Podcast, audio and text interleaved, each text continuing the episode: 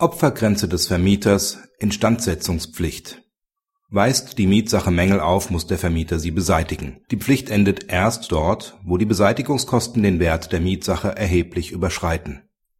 Im aktuellen BGH-Fall verlangt die Mieterin für die Beseitigung einer sich in Bewegung befindlichen Rissbildung unbekannter Ursache an und in dem von ihr gemieteten Einfamilienhaus von der Vermieterin Kostenvorschuss von 47.500 Euro Insgesamt werden die Sanierungskosten mit allen Nebengewerken auf nahezu 95.000 Euro geschätzt.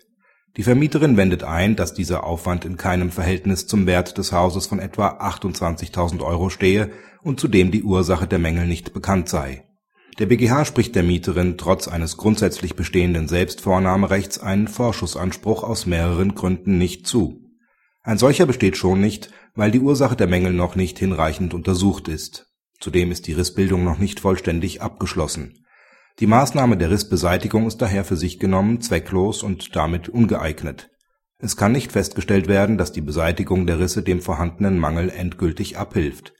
Zudem übersteigt der Aufwand für die Instandsetzung die der Vermieterin zumutbare Opfergrenze. Denn bei Würdigung aller Umstände des Einzelfalls darf zwischen dem Aufwand und dem Verkehrswert des Mietobjekts kein grobes Missverhältnis bestehen. Dies ist vorliegend jedoch der Fall die Umsetzung der Instandsetzung ist dem Vermieter daher nicht zumutbar. Praxishinweis Die wirtschaftlich ausgerichtete Entscheidung des BGH setzt eine Tendenz fort. Bei der Instandsetzung muss der Mieter immer bedenken, ob dem Vermieter die einzelnen Maßnahmen im Hinblick auf den Vergleich von Wert der Mietsache und Höhe des Aufwands zumutbar ist.